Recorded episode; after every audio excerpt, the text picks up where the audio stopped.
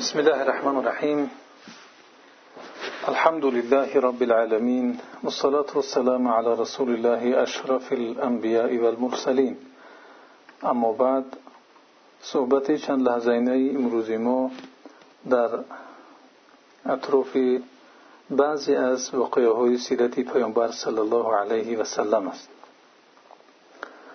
ما در صحبت قبلی خود تا اینجا رسیده بودیم که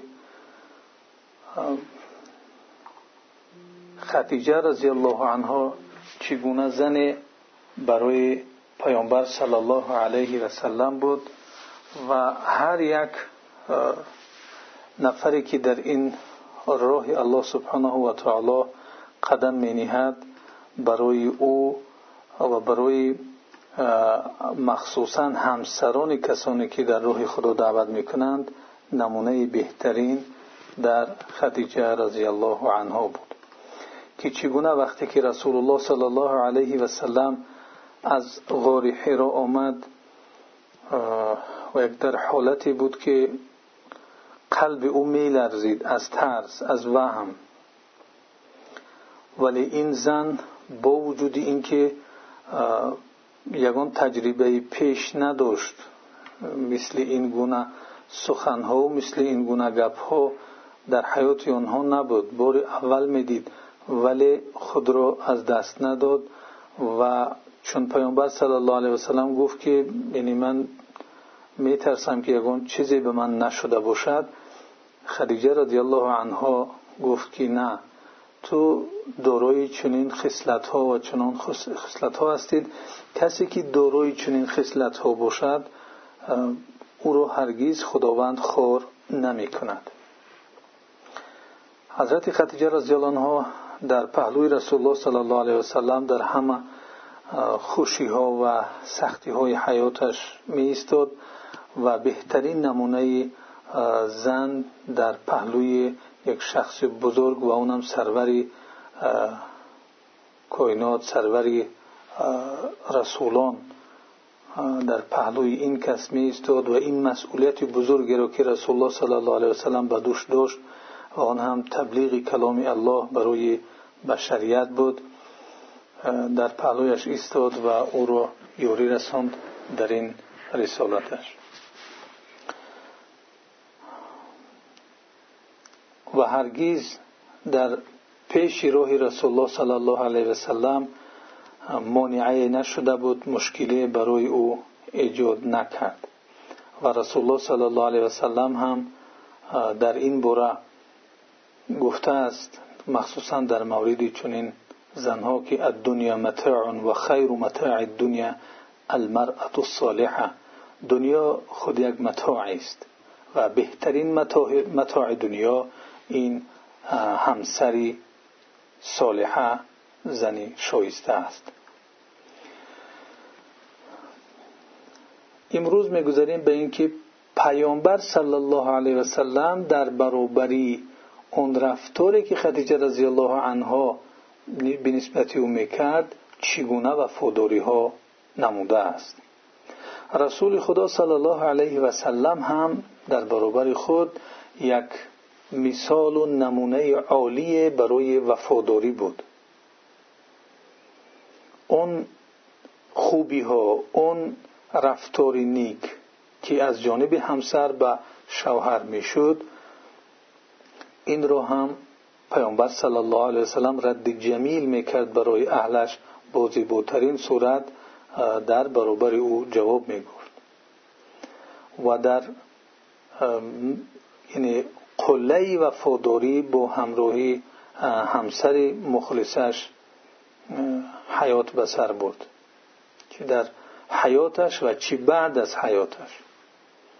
با وفاداری که پیامبر صلی الله علیه وسلم با سید خدیجه رضی الله عنها کرد نه تنها در وقت حیات بلکه حتی بعد از مماتش هم بعد از گذشتن سید خدیجه رضی الله عنها هم این وفاداری نسبت او ادامه یافت.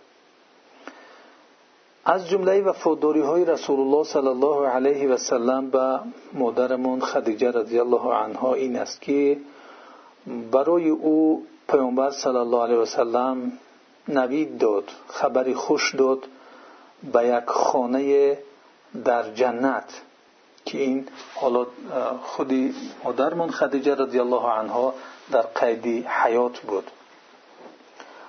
برای او بشارت داد که برای تو خانه است در جنت. و سلام پروردگارش را جل جلاله را به او رساند سلام جبرئیل علیه السلام را. از ابی هریره رضی الله عنه روایت است که گفت جبریل نزد پیامبر صلی الله علیه و سلم آمده گفت که ای رسول خدا این خدیجه است که به نزد تو آمده است آمده ایستاده است و با همراهی او یک ظرف است که در آن طعام است یا شراب است یعنی نوشابه یا طعام است.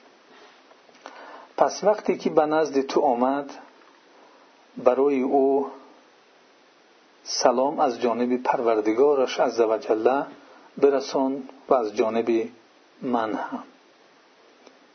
و آن را بشارت بده به خانه در جنت که آن از قصب است. قصب به معنای لؤلؤ یعنی مروارید یا اینکه از طلا است.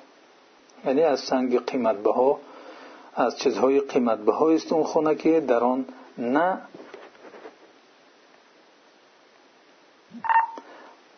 در آن نه صدای غوغا هست نه صدای بلند است و نه در آن خستگی هست. این را پیامبر صلی الله علیه وسلم به همسری با وفای خود رساند که برای تو جبریل علیه السلام چنین می‌گوید. و این حدیث را حضرت ابی هریره رضی الله عنه روایت کرده است. مادرمان عایشه رضی الله عنها مادرمان عایشه رضی الله عنها این چنین در مورد وفاداری پیامبر صلی الله علیه و سلم نسبت به مادرمان خدیجه رضی الله عنها بعد وفاتش به یاد آورده می‌گوید که من بر یگان زنهای زنی از زنهای پیامبر صلی الله علیه بر خدیجه رشک بردم. در حالی که من او را ندیدم ولیکن پیامبر صلی الله علیه و سلم او را بسیار یاد می‌کرد. و شاید حالتهایی بود که یگان گوسپند ذبح می‌کرد اون را پاره پاره می‌کرد و بعضی اعضای از اون گوسپند را به دوگانه ها و دوستان خدیجه رضی الله عنها میفرستاد. و گاه بود که من به او می‌گفتم که گویا در این دنیا جز خدیجه زنی نباشد. پیامبر صلی الله علیه وسلم در جوابش می‌گفت که آن چنین بود و چنان بود. وصفی خدیجه رضی الله عنها رو می‌کرد و می‌گفت که من از اون فرزند دارم. یعنی از زیمنی چیزهایی که از جمله چیزهایی که وصف کرد به خوبیهایش خدیجه رضی الله عنها را این بود که برای من خداوند از طریق او فرزند داده است. و پیامبر صلی الله علیه و سلم شادی و خرسندی خود را اظهار می کند وقتی که خواهری خدیجه رضی الله عنها به نزد اونها می آید و آن را به خاطرش می آرد خدیجه رضی الله عنها را. مادرمان عایشه رضی الله عنها روایت می کند که حاله بنت خویلید خواهر خدیجه اجازت پرسید برای وارد شدن به نزد رسول الله صلی الله علیه و سلم رسول الله صلی الله علیه و سلم از صدای اجازت پرسیدن از صدای اجازت پرسیدنش شناخته. یعنی مثل آن حالتی که خدیجه رضی الله عنها اجازت می‌پرسید آن را به خاطرش آورد و اجازت پرسی خدیجه رضی الله عنها را به یاد آورد و از این جهت بسیار خوشحال شد و گفت اللهم هالت بنت خویلد. بار خدای این حاله بنت خویلد است. پس من می‌گوید رشک بردم و با او گفتم که از اون یک پیرزنی که پیرزنی از پیرزنهای قریش که دیگر دندانهایش هم افتیده بودند و در چندین زمان گذشته است که هلاک شده است و خداوند برای تو از اون دیده بهتری رو نصیب کرده است. این چیزها را من برای او در مورد حالتی که رشکم آمد گفتم. ولی این حدیث ادامه دارد که پیامبر صلی الله علیه و چگونه که در اون بالا گفتیم وصف های مادرمون خدیجه رضی الله عنها را در اینجا ذکر می‌کند و در حالی که باز به غضب هم میآید که میگه قسم به خدا که از اون بهتر برای من خداوند نداده است. یعنی در حالی که همه به من کفر میورزیدن او به من ایمان آورده بود. همه مال از مال خود من را محروم کرده بود. او مال را در مالش را در اختیار من گذاشته بود. و امثال اینها دیگر وصفای مادرمان خدیجه رضی الله عنها را می‌کرد. و حتی آن چگونه که گفتیم دوستان مادرمان الله وفاداری به همسرش آنها را احترام می نمود این بود. ببینید وفاداری پیامبر صلی الله علیه وسلم را نسبت به همسرش.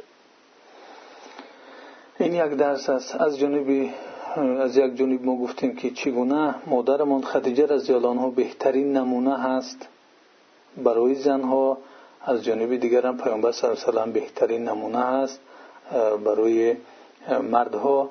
مخصوصا در این حالتی که با اون وفاداری که خدیجه رضی الله عنها به پیامبر صلی الله علیه و می‌کرد با همون نمود وفاداری و از اون هم بیشتر چی در حیات و چی در بعد حیاتش به او می‌کرد. مسئله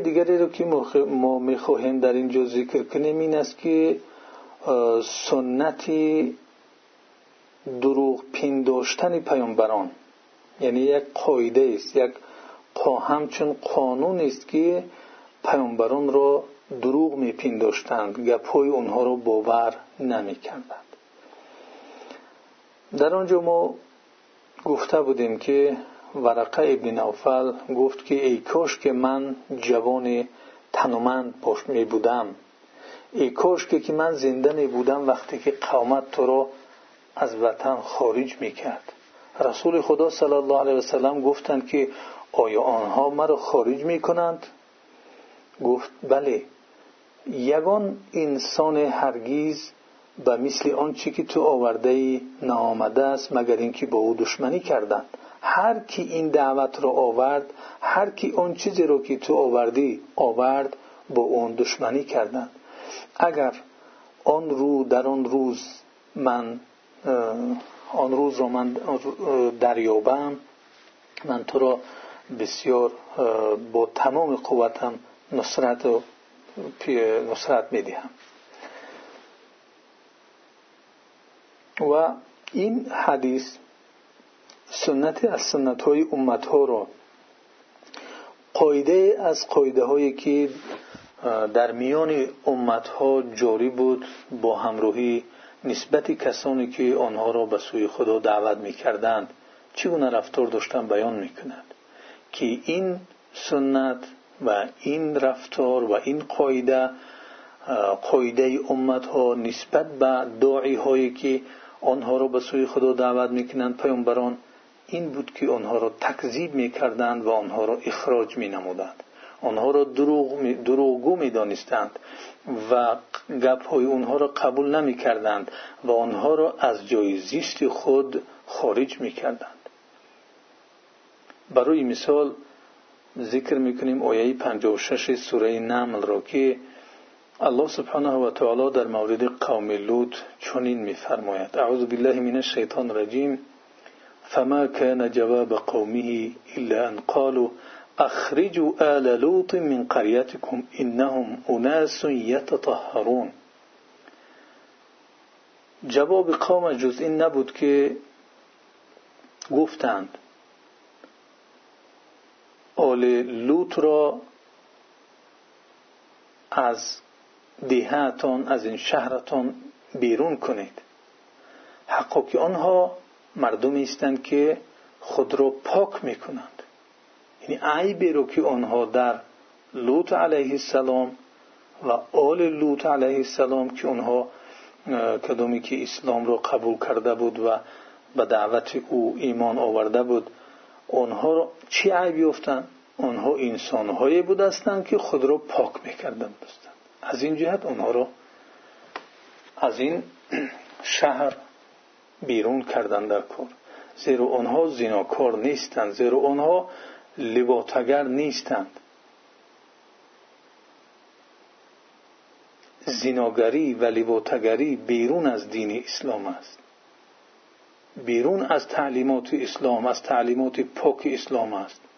از این جهت این پیامبر خدا و پیروانش را از آن شهر دور کردند زیرا که اینها زنا نمی کردند اینها لواطه نمی کردند یعنی به مرد نمی رسیدند در حالی که آنها کسانی که به دین الله نمی گرویدند به این کار مشغول بودند. و در جای دیگر سوره اعراف آیه 88 آمده که قال الملأ الذين استكبروا من قومه لنخرجنك يا شعيب والذين آمنوا معك من قريتنا أو لتعودن في ملتنا. گفتند اون رهبران و سردارانی که سرداران قوم بنی اسرائیل آن کسانی که از قومش استکبار ورزیدند لنخرجنك یا شعیب البته البته ای شعیب ما تو را و والذین آمنوا معک و کسانی را که با همراهی تو ایمان آوردند لنخرجنک. البته اخراجتان می‌کنیم البته شما رو بیرون می‌کنیم از این شهرمان. یا او لتعودن فی ملتنا یا اینکه شما به این ملت ما برمیگردید. به این قانون و قاعده زناکاری لباتگری برمیگردید. یعنی ببینید که چگونه نسبت پیامبران رفتار می‌کردند. و در سوره ابراهیم آیه 13 نیز چون این چیز تکرار می‌شود خداوند میفرماید اعوذ بالله من الشیطان الرجیم و قال الذين كفروا لرسلهم لنخرجنكم من ارضنا او لتعودن في ملتنا فاوحى اليهم ربهم لنهلكن الظالمین. و گفتند کسانی که کافر شدند به پیامبرانشان که البته ما شما را از این دیارمان از این زمینمان خارج می‌کنیم یا اینکه شما به ملت ما برمیگردید. ملت ما اینجا در نظر دارد همون عرف و عادتی به خدایی گناهکاری دور از طاعت خداوند بود پرستی و امثال اینها. یعنی غیر خدا رو پرستش کردن عموما در آن چیزی که شما مردم رو به سوی پرستیش الله دعوت می‌کنید یگانه پرستی و تعلیمات الهی یا اینکه ما شما رو از این زمینمان دور می‌کنیم یا برمیگردید به این ملت ما به این رفتار و عرف و عادت های ما. فاوحى الیهم ربهم پس پروردگارشان به آنها وحی فرستاد که لنهلکن الظالمین. البته ما ظالمان را هلاک می‌کنیم. یعنی این آیت ها معلوم می‌کند برای ما که در طول تاریخ بشریت هر وقت که رسولان آمدند قوم آنها آنها را نپذیرفتند یا که قومشون آنها را دروغ پنداشتند و آنها را اخراج نمودند. مسئله دیگری که می‌خواهیم در اینجا با هم سر اون بحث بررسی کنیم. این مسئله و فتر الوحی و وحی چند مدت نآمد تأخیر کرد. علمای سیرت چی در قدیم و چی در یعنی زمان معاصر در مورد تأخیر کردن وحی سخن گفتند. حافظ ابن حجر گفته است که فطور الوحی عبارت است از تأخیر کردن آن یک مدت از زمان. وقتی که وحی چند مدت نامد این رو می‌گویند که فتر الوحیو یعنی چند مدت وحی تأخیر کرد نامد.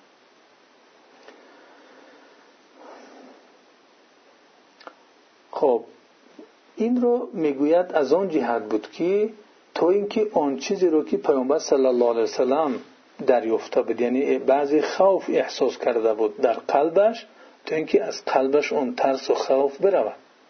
ما گفتیم وحی آمدن و یک ملک با انسان سخن گفتن و در یک تاریکی در غار در کوه در تنهایی این کاری آسان نیست. ما این رو همچون قصه می‌خونیم ولی تصوری آن حالت را نمی‌کنیم. می‌خونیم که پیامبر صلی الله علیه وسلم آمد و قلبش میلرزید و می‌گفت که من رو پیچونید پیچونید. من میترسم که به من چیزی شده باشد. این را گفته می‌گذاریم ولی تصور کردن لازم است که پیامبر صلی الله علیه وسلم در یک کوه بلندی بود کسی که حج رفته باشد اون جای رو دیده است و می‌دوند که چه جای بلند است. یک از شهر دور است دو. باز نه تنها بالای کوه بلکه در بالای کوه درون غار است. پس در اون تاریکی وقتی که یک چیزی رو که نمی‌دونه که اون ملک هست میآید می‌گوید که بخوان یک صدایی میبروید. و باز وقتی میگه که من خواندن نمی‌توانم اون گرفته انسان رو پخش می‌کند میجخد با آغوش چنان سخت میجخد که همه اون استخوانهای پیامبر صلی الله علیه و قریب که با هم یک می‌شدن. این آسان نیست. از این جهت چند وقت وحی تأخیر می‌کند تا اینکه از دل پیامبر صلی الله علیه و اون چیز برود و از جهت دیگر تا اینکه برای پیامبر صلی الله علیه و شوق پیدا شود برای بار دیگر دیدن آن چیز. تا اینکه اون خود یعنی شوقمندی بار دیگر دیدن و حاصل شدن این چیز باشد. جابر ابن عبدالله انصاری روایت می کند که چون در ما این مورد گرد می‌زد به حدیث پیامبر صلی الله علیه و میگو که هنگامی که من می‌رفتم یعنی رسول صلی الله علیه و سلم ناگهان صدایی رو از آسمان شنیدم. پس دیده های خود را به طرف آسمان بلند کردم. ناگهان فرشته را دیدم که در غار حرا به نزد من آمده بود. در حالی که اون بر کرسی نشسته بود در میان آسمان و زمین. یعنی نه در زمین بود و نه در آسمان. بین آسمان و زمین بالای کرسی نشسته بود. پس من از او ترسیدم و برگشتم به خانه و گفتم که زمیلونی زمیلون یعنی مرا بپوشنن مرا بپوشن. پس وقتی آنجا پوشانیده شده بود این آیت ها نازل شد که اعوذ بالله من الشیطان الرجیم یا ایها المدثر قم فانذر وربك فكبر وثيابك فطهر والرجز فهجر پس وحی می‌گوید که گرم شد و پی هم آمدن گرفت. یکی از عالمان و دانشمندان دانشمندانی که در مورد سیرت بحث های زیاد کرده این صفی الرحمن مبارک فوری یکی از علما دانشمندای هندی است. می‌گوید که اما مدتی تأخیر کردن وحی باشد در مورد آن اختلاف کردند علما. چندین قولی هست در این مورد ولی صحیح ترش این است که چند روز بود. زیر اونجا مدت های دیگری رو هم ذکر می‌کنند می‌گوید که صحیح ترش این است که آن چند روز بود. ابن و ابن سعد از ابن عباس روایت کرده است که این چیز رو افاده می‌کند. اما آنچه که مشهور است که گویا آن سه سال گویا وحی تأخیر کرده باشد یا دو و نیم سال این درست نیست. خب اما در مورد اون چیزی که پیامبر صلی الله علیه وسلم گفتند بسیار غمگین شد وقتی که وحی چند مدت نامد و تا جایی که گویا به سر کوه ها می رفت که خود را از آنجا هوا بدهد و هر باری که این کار می‌خواست انجام بدهد جبریل علیه السلام در پیش او ظاهر می‌شد و هر دفعه به او می‌گفت که بشارتش می‌داد که آن رسول الله است این حدیث حدیث مرسل و ضعیف است در این باب. و این چنین به عصمت پیامبران به عصمت پیامبر صلی الله علیه وسلم هم نیز یعنی زدیت دارد یعنی موافقت به آن چیز نمی‌کنه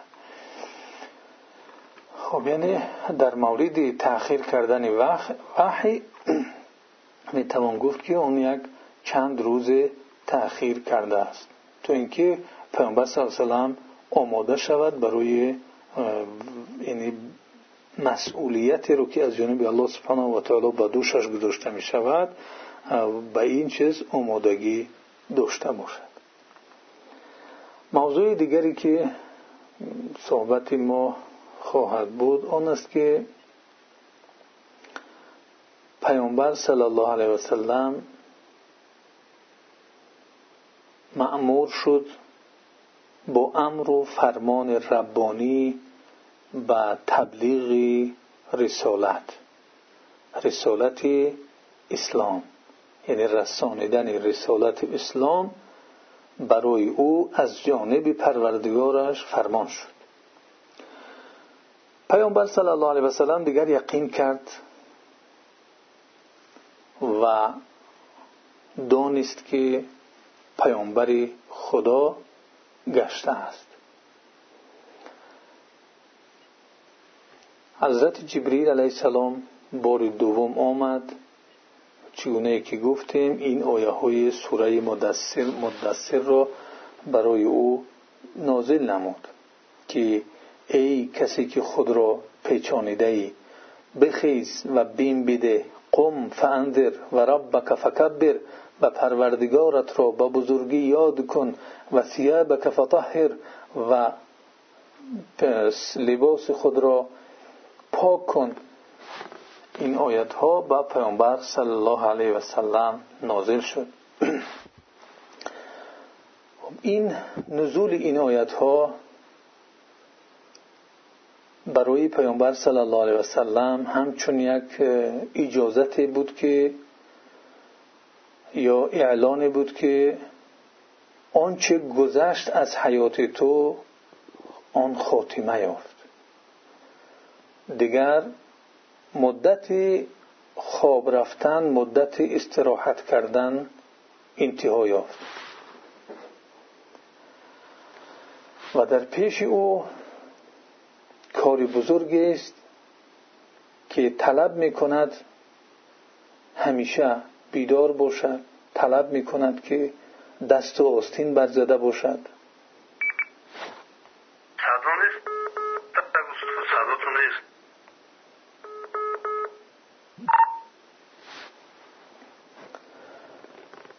این اعلان به آن بود که پیامبر صلی الله علیه وسلم دیگر وقت خواب و آرامشش گذشت و در پیش او یک کار بزرگ است که این کار بزرگ تقاضای آن را دارد که همیشه بیدار و دست و آستین برزده باشد و بیم دهد.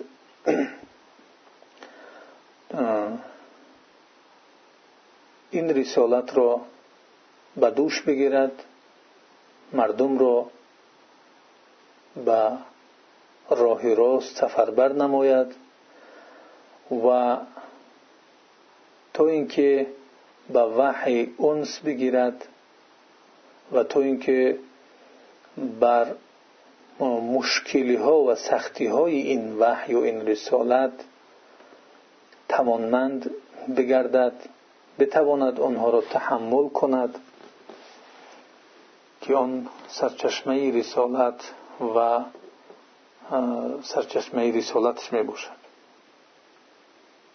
این آیت ها اولین امر بر رسانیدن رسالت اسلام بود و برای انجام دادن وظیفهش این آیت ها به چند چیز اشاره کردند. که همه این چیزها خلاصه دعوت پیامبر صلی الله علیه و سلم است. و این چند مسئله این یعنی عمومی حقیقت های اسلامی است که اصلا اسلام بر اینها بنا یافته است.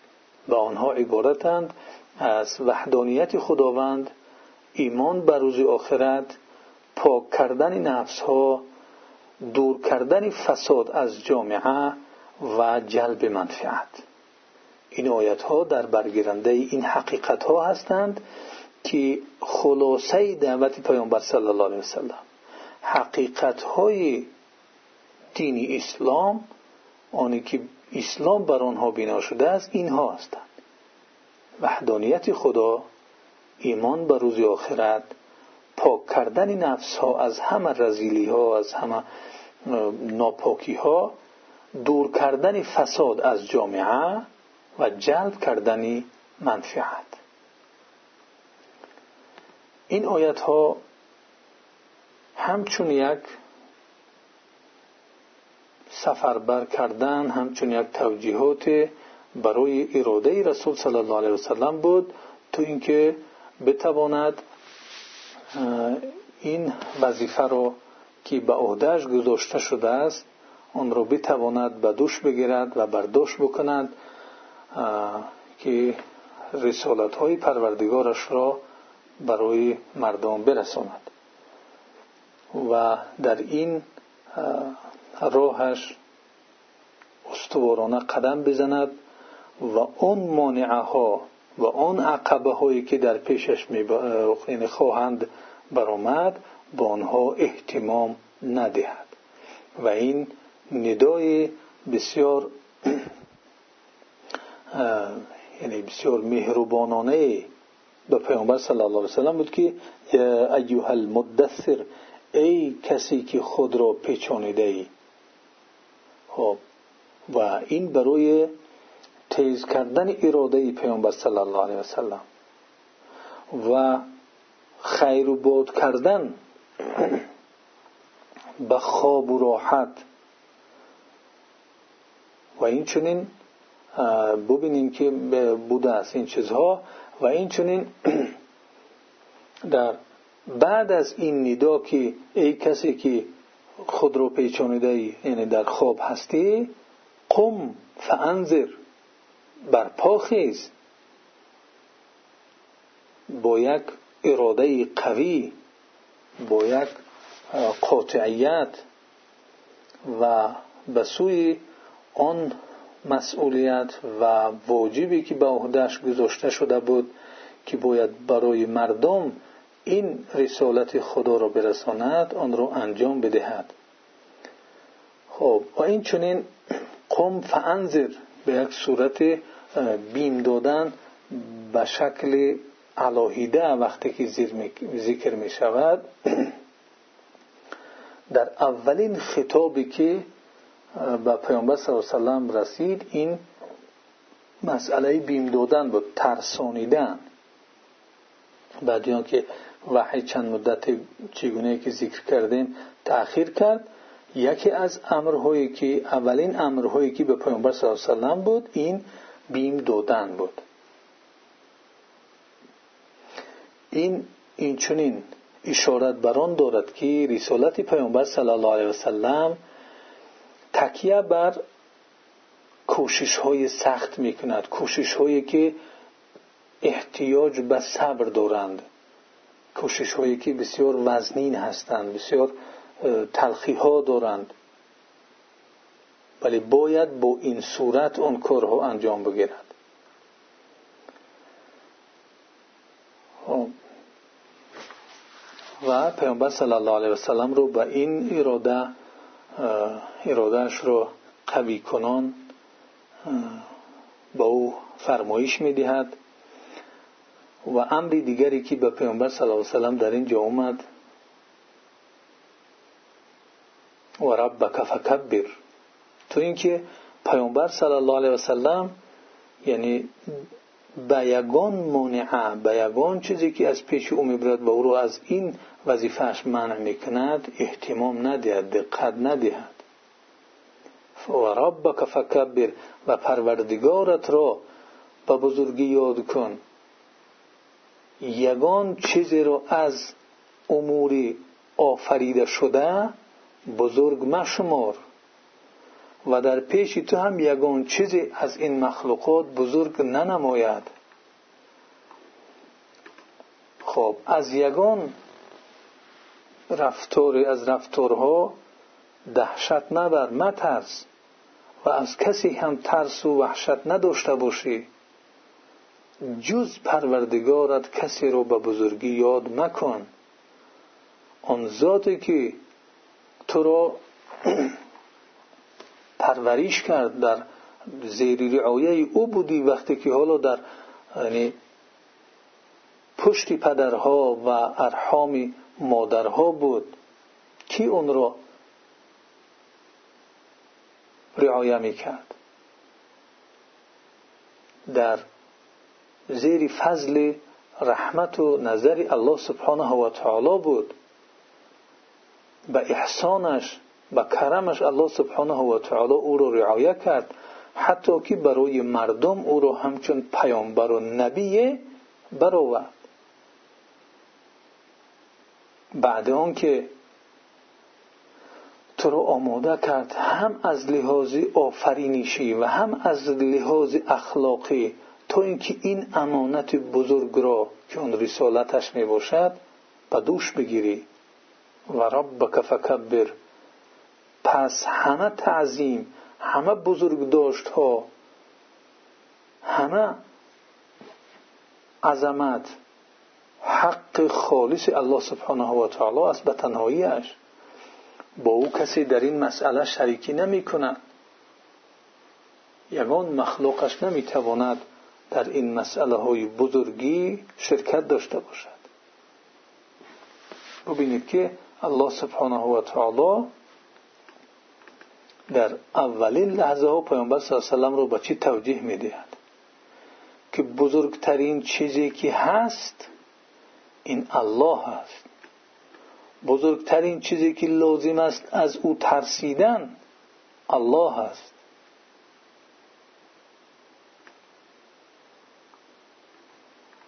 از این رو انسان وقتی که در قلب او ترس الله سبحانه و تعالی و عظمت بزرگی الله سبحانه و تعالی جای می‌گیرد اون انسان دیگر خواهد شد. ولی وقتی که انسان خدا را درست نشناسد عظمت بزرگی دیگر چیزها را شیطان در قلب او زینت می‌دهد و او را از راه رفتن به سوی الله سبحانه و تعالی یکسو می‌کند. و در آیت دیگر خداوند فرموده که و ثیابک فطهر و لباس خود را پاک کن چگونه که پیامبر صلی الله علیه را حتی پیش از بعثتش به پیامبری اون را یک انسان پاک هم از روی آفرینش و هم از روی اخلاق و هم از روی سر و لباسش. خداوند او را به این گونه یعنی آفریده بود و این گونه رفتار و این گونه اخلاق را داشت که این حالا پیش از پیامبریش بود. پس سزاوارتر و حاجتمندتر این است که وقتی که اون پیامبر می شود با این پاکی باشد. که این پاکی پاکی همه جانبه با مردم که رسول خداوند برای عالمیان است نهایت مهم است و این دلالت به کمال رسالت می‌کند. پاکی انسان پاکی اخلاقی پاکی سر و لباس انسان همه این پاکی ها دلالت به کمال رسالت پیامبر می کند و چه از روی صبر کردن چه از روی مهربانی و نرمی چه از روی بخششگرایی که عفو بود چه از روی احسان کردن نیکی کردن و چی از روی همیشه در جد و جهد و کوشش بود برای رسانیدن تعلیمات خداوندی برای بندگانش که یگان چیزی او از این راه بر نمیگرداند و یگان چیزی او را قفا نمیگرداند. گرچنده که اگر سختترین بلا هم به سرش می آمد ببینید پیامبر صلی الله علیه وسلم چگونه انسان بود؟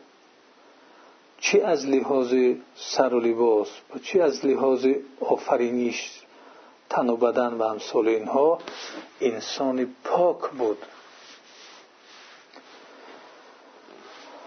و با این اخلاق صبر حلم عفو و بخشش احسان و نکوکاری و همیشه کوشش کردن با این رفتارهایش او تعلیمات الهی را میرساند. پس برای کسی که می‌خواهد تعلیمات رسول صلی الله علیه وسلم تعلیمات الهی را چگونه که پیامبر صلی الله علیه وسلم برای امتش رساند اگر می‌خواهد این کار انجام بدهد باید دارای این صفت ها باشد. صفت های پاکی صفت های اخلاق نکو از صبر و بردباری و بخشایشگری و احسان و امثال اینها. این اخلاق ها رو چون پیامبر صلی الله علیه وسلم داشت از این رو هر کسی که با او بار وامی خورد البته او را دوست می داشت و می‌خواست بار دیگر با او بنشیند. از سخنهای او گوش کند از تعلیمات او بشنود و همیشه می‌خواستند که در پهلویش باشند در نزد او باشند. چگونه که شاید ذکر کرده باشیم یکی از صحابه ها را یک روز می‌پرسد که آیا تو خاندار نمی‌شوی؟ اون کس می‌گوید که من نمی‌خواهم که چیزی بین من و تو من و تو مانع شود. نمی‌خواهم چیزی مرا مشغول سازد که با تو نباشم. پیامبر صلی الله علیه وسلم بار دیگر این مسئله رو پیشنهاد کرد که باز گفت که من نمی‌خواهم که من رو از تو چیزی مشغول سازد. و تنها بار سیوم گپ رسول صلی الله علیه وسلم رو قبول کرد و راضی شد برای ازدواج کردن. یعنی نمی‌خواستند صحابه های کرام اون کسانی که پیامبر صلی الله علیه وسلم رو می‌دیدند و به اون معامله و مناسبت می‌کردند نمی حتی نمی‌خواستند اویلدار شوند که از پیامبر صلی الله علیه وسلم به سبب آن ممکن است که دور شوند. یک مدت وقتشان رو آنها می‌گیرند.